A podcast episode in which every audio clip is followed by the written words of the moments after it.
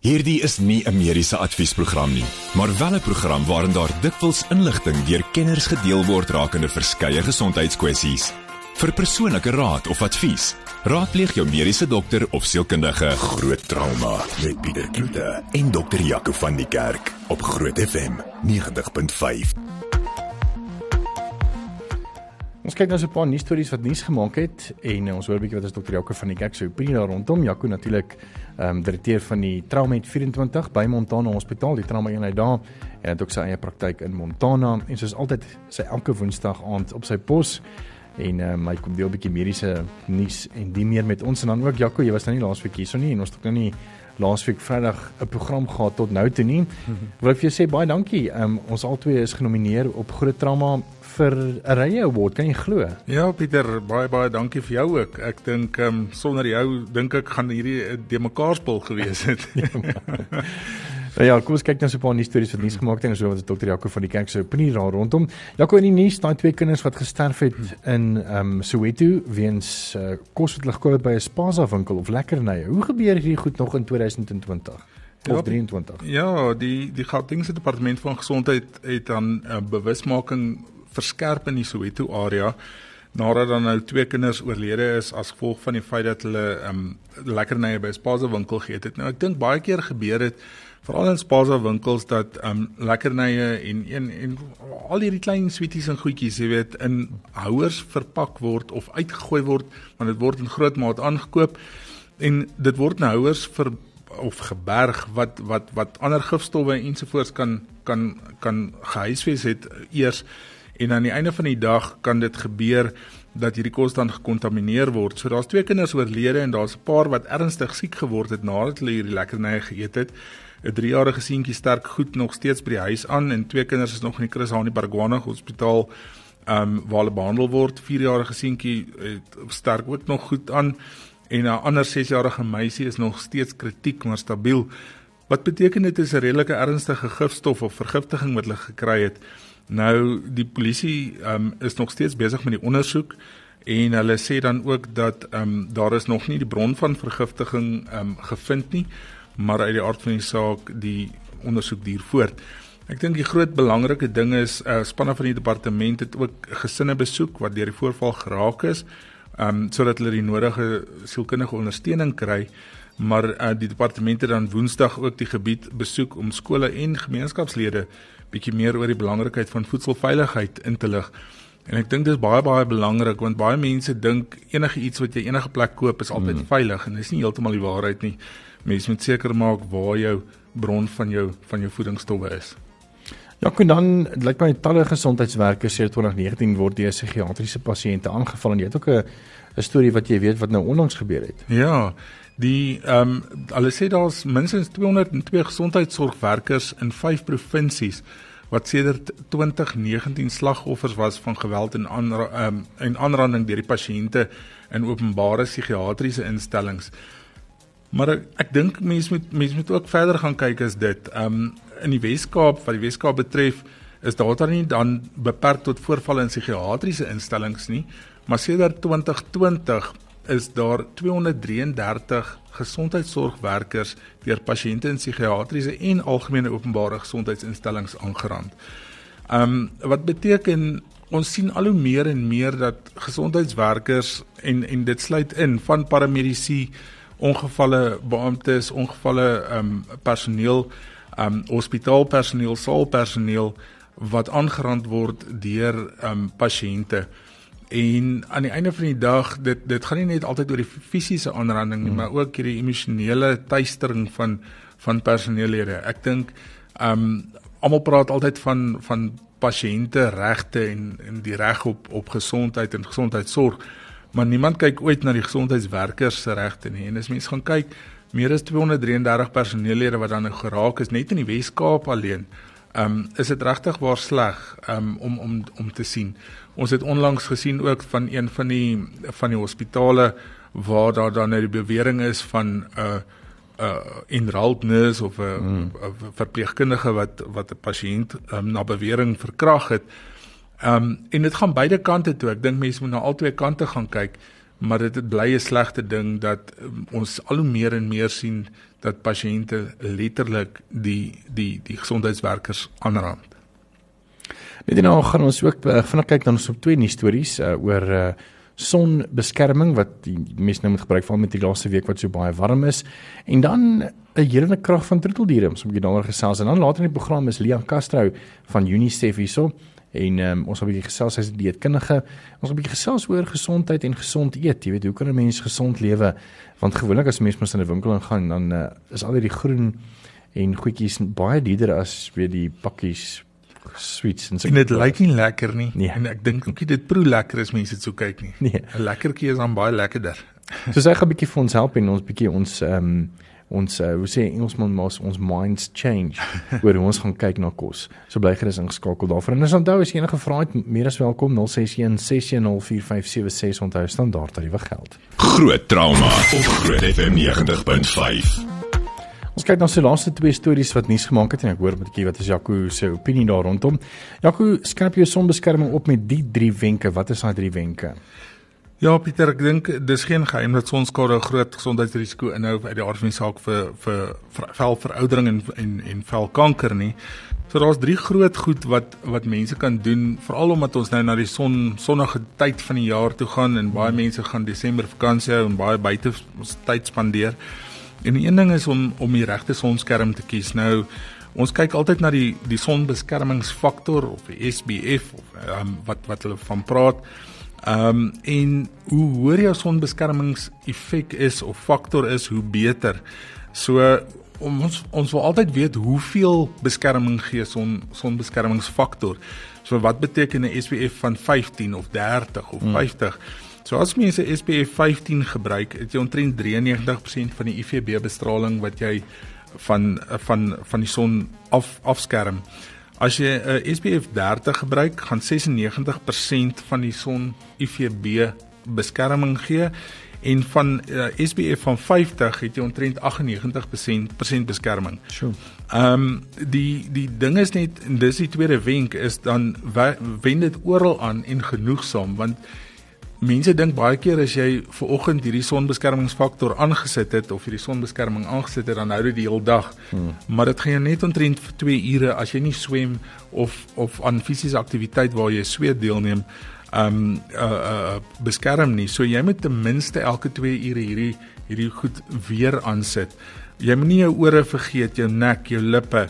Um en en en dis altyd plekke wat wat ons almal vergeet jou neus, jy weet. Hmm. Um smeer dik aan. Ehm um, wen dit genoegsaam aan. Hulle sê ook 'n mens moet ten minste so 'n halfuur voordat jy in die son ingaan, die eerste laag opsit en jy moet 'n tweede laag opsit voordat jy in die son gaan um, om regtig hierdie beskerming te kry. Ehm um, dan uit die aard van die saak moet 'n mens dan ehm um, ook dit as mens kyk na gremering Ehm um, mens moet maar gaan kyk dat die dat dat jou vogrome by het wat wat ook 'n SPF faktor het. Baie van hierdie van hierdie kosmetiese produkte wat onderlaag het wat ook 'n um, SPF faktor by maak seker dat dit 'n goeie ehm um, SPF faktor is en 'n hoë SPF faktor is en uh, dit behoort dan vir mense te beskerm deur hierdie tyd. Ehm um, jy moet jouself ook van binne beskerm. Dis die laaste die laaste ehm um, ding ehm um, of die derde faktor wat jy na moet kyk. So as jy iets soos Vitamiin C of nikotinamid wat eintlik Vitamiin B3 is inneem, dan gaan jy en meeste van die ander antioksidante ook, gaan jy ook jouself van binne af beskerm teen teen velveroudering en velkanker. So ek dink aan die einde van die dag, daai 3 daai 3 um riglyne gaan vir 'n mens baie ver bring in hierdie somer. Nou kom sluit gaan vanaand af die helende krag van troeteldiere. Ja, ehm um, almal dink altyd ehm um, ons ons sit in 'n land waar geestesongesteldheid in ouer pasiënte, jong pasiënte en almal net so aan die toeneem is. Ehm um, maar daar's 'n groot klomp studies gedoen oor die helende krag van troeteldiere en die effekte daarvan op verskillende areas in ouderdomsgroepe. As mens gaan kyk, ehm um, die onvoorwaardelike liefde en vertroosting wat honde byvoorbeeld kan bied, ehm um, Eh, wanneer hulle ons emosies eien sonder dat 'n mens dit eintlik raak sien. Hulle hulle weet hoe ons voel sonder dat ons dit letterlik vir hulle vir hulle fisies wys. Hulle net net hier klein hmm. goedjies wat hulle op opmerk kan hulle vir mense dan nou baie mooi um evalueer en hulle kan presies jou emosionele toestand um in ag neem. Troeteldiere is is daar om 'n rotine te skep. Hulle het 'n kalmerende effek. Hulle um gee vir jou oefening veral as jy uit die aard van die saak saam met hulle gaan stap. Vir ouer pasiënte is dit baie baie belangrik om 'n troeteldier te hê, nie net vir die kameraadskap nie, maar ook omdat hulle hulle het 'n doel nou weer in die lewe. Hulle het iets om voor te sorg. Hulle het hulle het, het, regtig fisiese en emosionele um ondersteuning wat van hierdie troeteldiere afkom. En al hierdie goeters is letterlik deur studies bewys. So ek dink aan die einde van die dag as jy 'n hond of 'n kat of 'n ding by die huis het, gee hom 'n bietjie liefde want hy is baie baie belangrik vir jou emosionele welstand. Dis baie oulik. Ek weet ook um, baie van die besighede begin ook hondjies kry. Ek weet by Marula Media het hulle vir Japie die kantoor rond en dit is altyd lekker as hy bietjie by jou kom lê en by jou kom krap en sulke goed. So ek kan nogal ja. sien dat dit nogal jou geestestoestand kan verbeter. Wat's ouliker is 'n mooi hond. Ja, presies dit. Hoorie net nie nog gesels met Lia Castro, sy's van UNICEF en ons gaan 'n bietjie gesels oor jou gesond eet. So bly gerus geskakel daarvoor. Met die volgende program bo Groot FM 90.5 om jou as luisteraar met die nodige inligting oor 'n spesifieke onderwerp te voorsien. Alhoewel hierdie inligting dikwels deur 'n kenner op die gebied gedeel word, word jy aangemoedig om jou mediese dokter of sielkundige te besoek vir persoonlike advies of raad. Groot trauma met Pieter Kloete en dokter Jaco van die Kerk op Groot FM 90.5.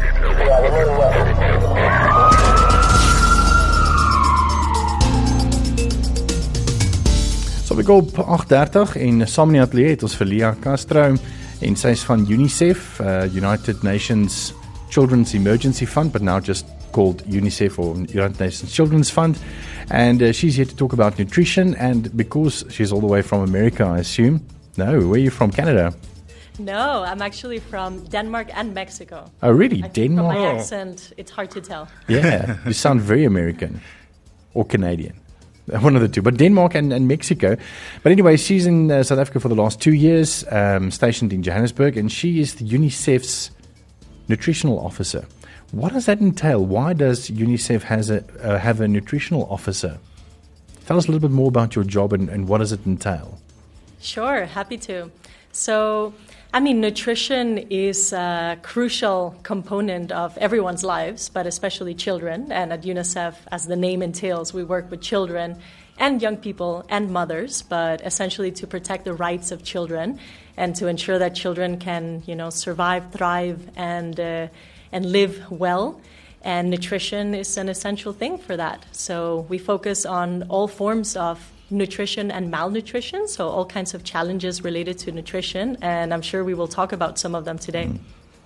And I'm also sure that, um, you know, obviously because of poverty, um, also climate change has a, a, huge role to play when it comes to n- nutrition. Um, I know that extreme weather events, you know, obviously affect crop, which means crop yield and then job losses and, you know, people, uh, economies, you know. So I think that has a, a huge role to play. I think UNICEF in educating people to still have good nutrition, which we're going to talk about a little bit later on, um, and yeah, looking after yourself and your children and having good nutrition, right?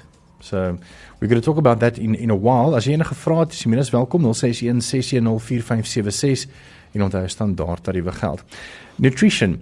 Um you obviously focus more on children. So what is good nutrition? You know, is it um these cornflakes that we eat in the morning with milk and four spoons of sugar and now you're right for the day? well, I think that's a leading question. Um, well, good nutrition. I mean, to summarize, the more natural, the better. So the reason why maybe that uh, breakfast fe- cereal with sugar that you mentioned is not the healthiest option, it's because it's more processed, mm-hmm. and obviously it contains added sugar and added things that your body doesn't need to the amounts that we're getting sometimes. So I think my simplest uh, description of a healthy diet is the more natural the diet. So we talk about whole foods, for example. So let's take the example of a potato if you take a potato as it is and you boil it or you maybe put it in the oven, it's a very healthy, um, healthy f- product, right? If you take that same potato and then you cut it into pieces and you fry it, you deep fry it, and then you add salt and you add uh, maybe even colors and added flavors and added things, then it becomes less healthy, right? So the more natural, the better. That's that's my simplest advice.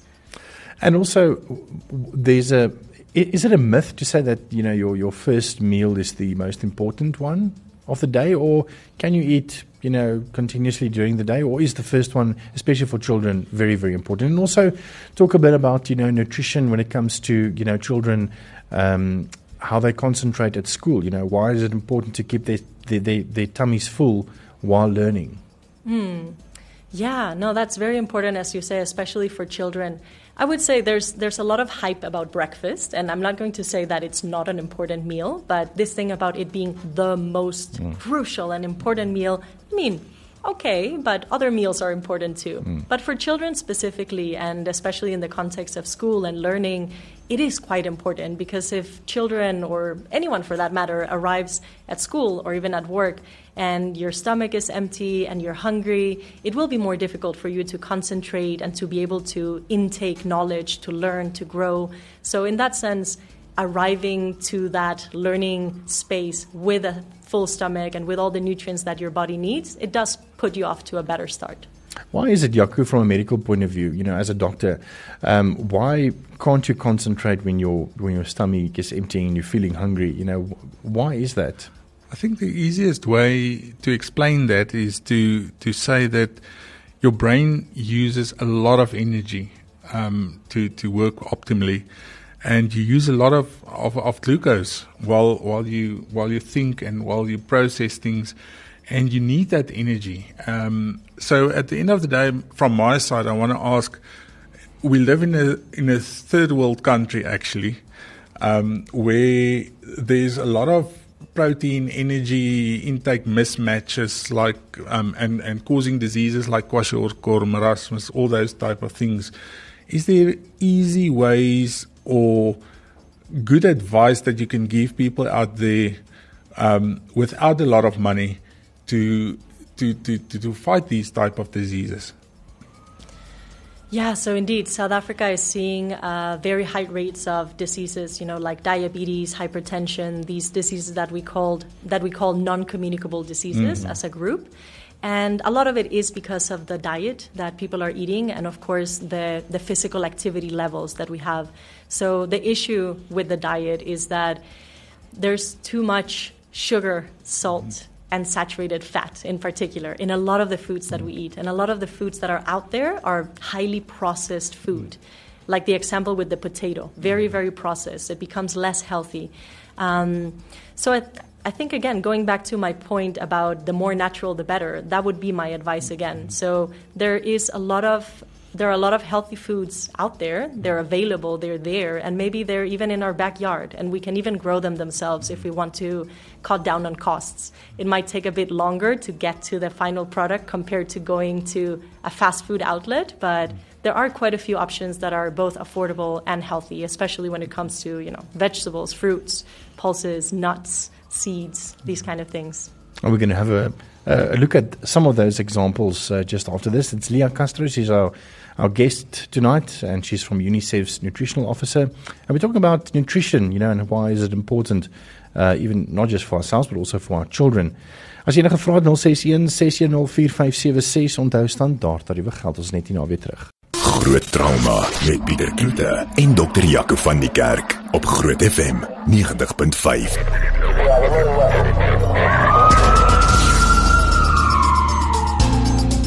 Ons is selfs 'n bietjie oor gesond eet en 'n gesonde leefstyl handhaaf en in die atleet is Leah Castro, sy's van UNICEF, die United Nations Children's Fund en sy's hulle nutritional officer. And it's great to have you here, Leah. Uh, just before the break, we, we talked a bit about nutrition, but now you're going to give us some examples of, you know, what would be a good nutritional meal to give your child, you know, to make sure that they, you know, at least have something nutritious and something full, you know, before going to school or, or at school even.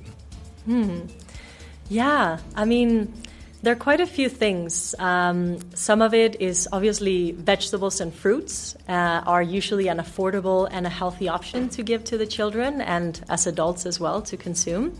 Um, things like uh, beans, uh, lentils, even in a, in a puree if the child is very small. Hummus. Love it. Yeah. Well, that's a good yeah, good for choice. example, for example. Um, things like oatmeal, milk, mass, these kind of things are, are the ones that are usually recommended for small children, of course, after six months. Mm-hmm. So before six months, they should be getting their breast milk only. And then after six months, you can start slowly introducing some of these things. Eggs are also a good example um, of a good, nutritious, high in protein option for children that is also sometimes affordable. Yeah, not sometimes it increases. Why is it that um, you can only give that stuff to children over the over six months? I think it's on the on the development of the gastrointestinal tract and the enzymes and the, the, the, the whole process of digestion that needs to be developed over time. Um, but beyond that, it's it's more exp- uh, well more more affordable. Number one, um, the protein energy intake balance is a lot better. You get your immune system boost um, with with um, added benefit to the mother for the for weight loss and all those type of things as well. But I think it's the it's the best form of energy before six months, and it's very easily digestible by the babies. Another question uh, to you, Lea, is you know South, South, Africa has a very high number of obesity against you know in in men and women. And I know that you know we obviously you know if we, if we compare like with America and, and the UK, you know it is it is a big problem. How can we also lead a, an active lifestyle? And it's very easy to say because we say this all the time. you know, eat healthy and exercise.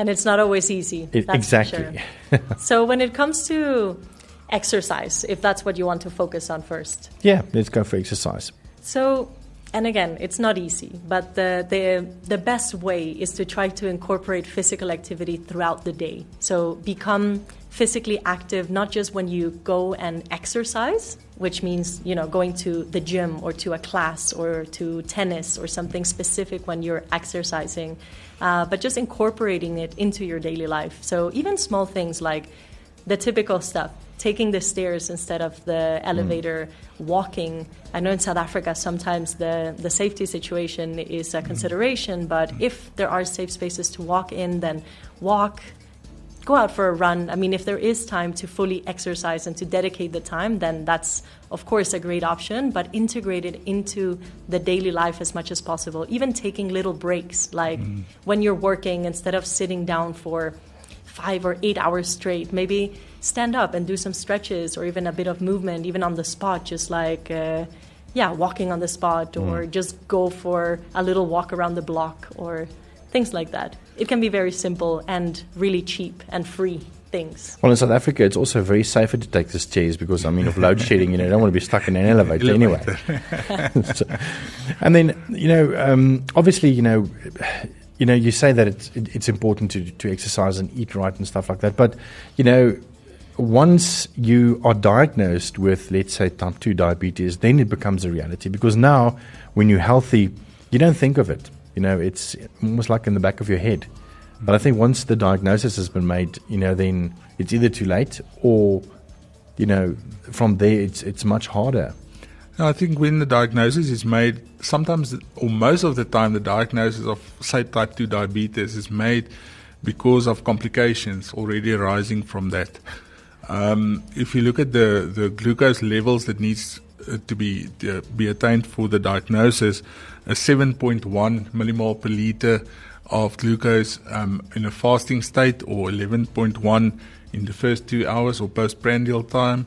Um, that is that is the diagnosis of diabetes, and you can't really feel the difference between a glucose level of five millimoles per liter or seven millimoles per liter just by by by you know, feeling it. Um, so most of the time, you will have your symptoms like tiredness, weight gain, um, polydipsia, polyuria, which is um, um increased um, urination, increased thirst, especially at night. Um, but later on, you will develop your vision disturbances. You will develop signs and symptoms of kidney dysfunction, um, peripheral neuropathies where you have this um, numbness or needles and pins in the feet, and then it's too late. Um, and the diseases is is quite quite expensive to treat as well. Type 2 diabetes is a very expensive disease to treat.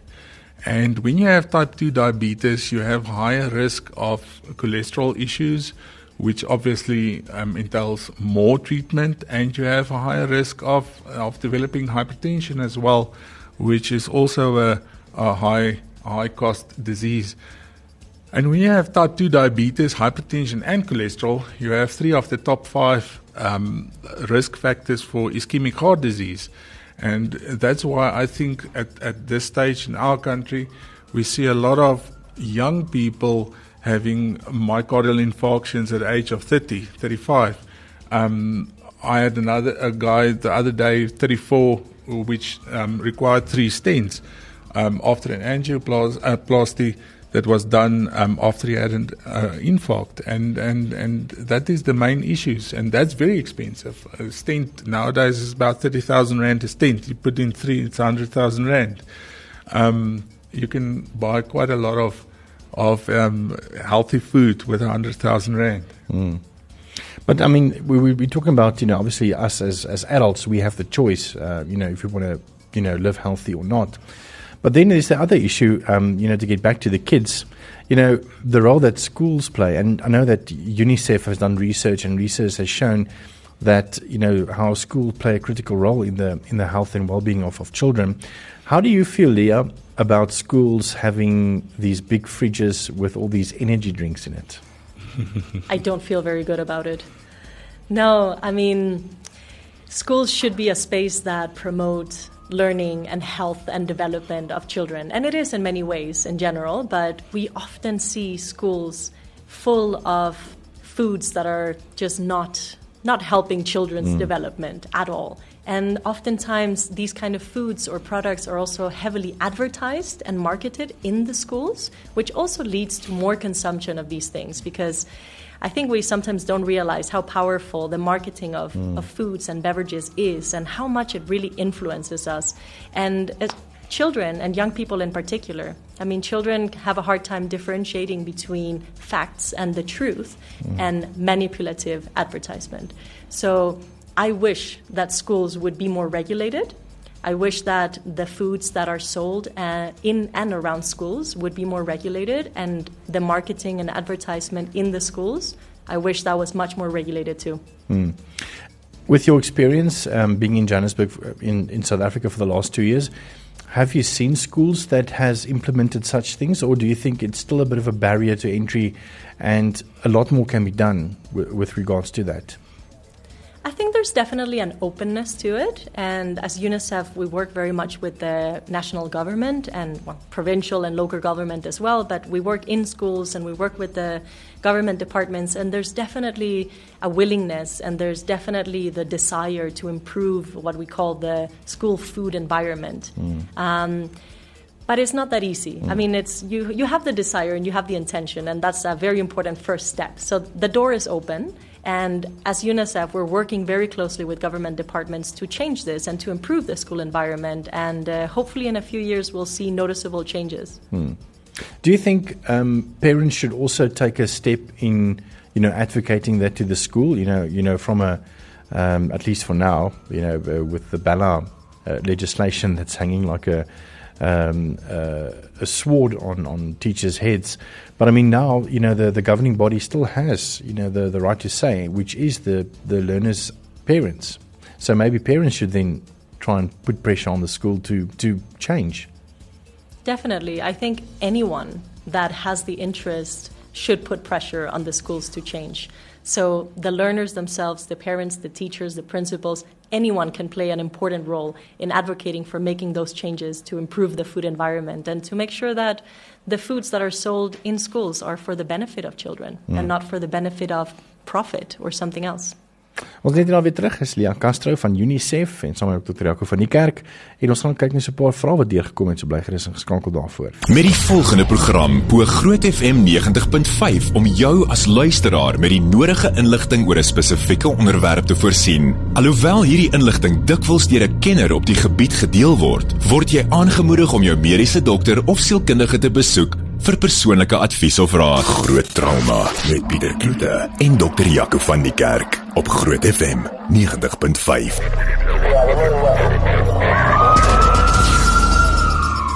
En Natalie Lia Castro sy's van UNICEF en ook ook van die kerk soos altyd. We're going to end off this nutrition chat um with Lia giving us some wise words and a message that we've not heard before. No pressure. No pressure. So, a message that you might have heard before, but if you haven't, I think something that I really want to leave the audience with is with the awareness that sometimes our food choices are not entirely our own choices. So, there's a huge role that the environment plays in what we end up eating and what we end up choosing. And I alluded to it earlier when I was speaking about the food marketing. Mm. So that's a huge, huge influencer on what we end up eating, what we even crave, or what we end up buying. Um, you know, and so there's the marketing of it, but obviously the environment is complex sometimes. And when I talk about the environment, I mean the physical environment, but also the, the social environment, the, the context in which we are. And all of these things, they really influence what we end up eating. So marketing is one, but then, of course, we can we've talked about the affordability of foods that's a huge factor that ends up also determining what we end up buying and what we end up consuming there's the fact about availability i mean if there are only fast food outlets around you, then that's probably what you want to or what you will end up eating. So I'm trying to, the message that I'm trying to convey here is I think it's not always people's fault that they don't eat healthy. I think there's been a, a very big narrative in the nutrition mm-hmm. world historically about people should be eating healthier, people should be exercising more. And yes, that is true. But then also acknowledging that the, there are barriers in the environment that sometimes don't really allow or make it very complicated for us to eat healthy. If there's nothing available, or if the healthy choices are just not nice, they're not appealing, then we are not going to eat them. So and and I also don't think that we should just accept it as it is. Mm. I think this is something that can change and that should change. And part of it is the demand of it. So as consumers, I think if we start demanding these alternatives that are affordable, that that that are nice and tasty and also healthy, then we will start seeing them more. If we start showing a little bit of outrage about the mm. fact that there are no healthy foods available sometimes, even in schools or university campuses you know, we, we need to start demanding these changes too, I think. And I think parents have also a big responsibility, you know, to educate their children.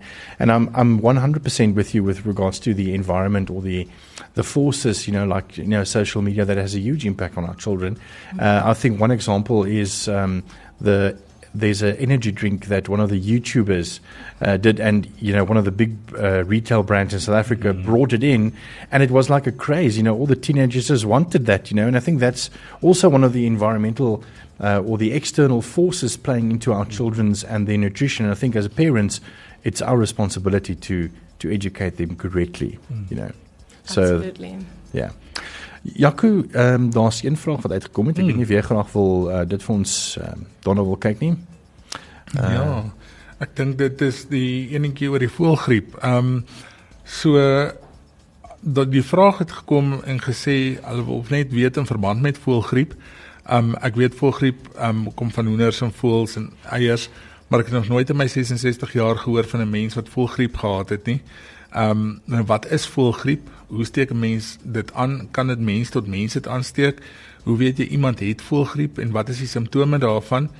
En is dit gevaarlik of dodelik? Ehm um, moet 'n mens in afsondering geplaas word? So daar's 'n klomp vrae.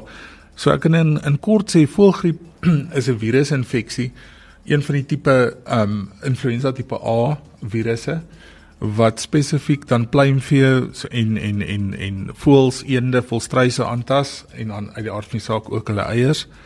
Um 'n mens kan voëlgriep kry deur dan nou hierdie geïnfekteerde diere en of hulle eiers te te te eet of te gebruik. Um dis baie selde dat 'n mens van mens tot mens voëlgriep sal oor oordra. Um die ander influenza virusse uit die aard van die saak baie meer algemeen um as wat die voëlgriep is.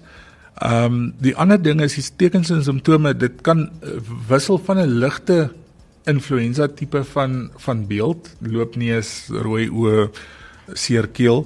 Um maar dit kan tot ernstige simptome gee wat asem asemnood en en en long longinfeksie aantas of, of longinfeksie veroorsaak.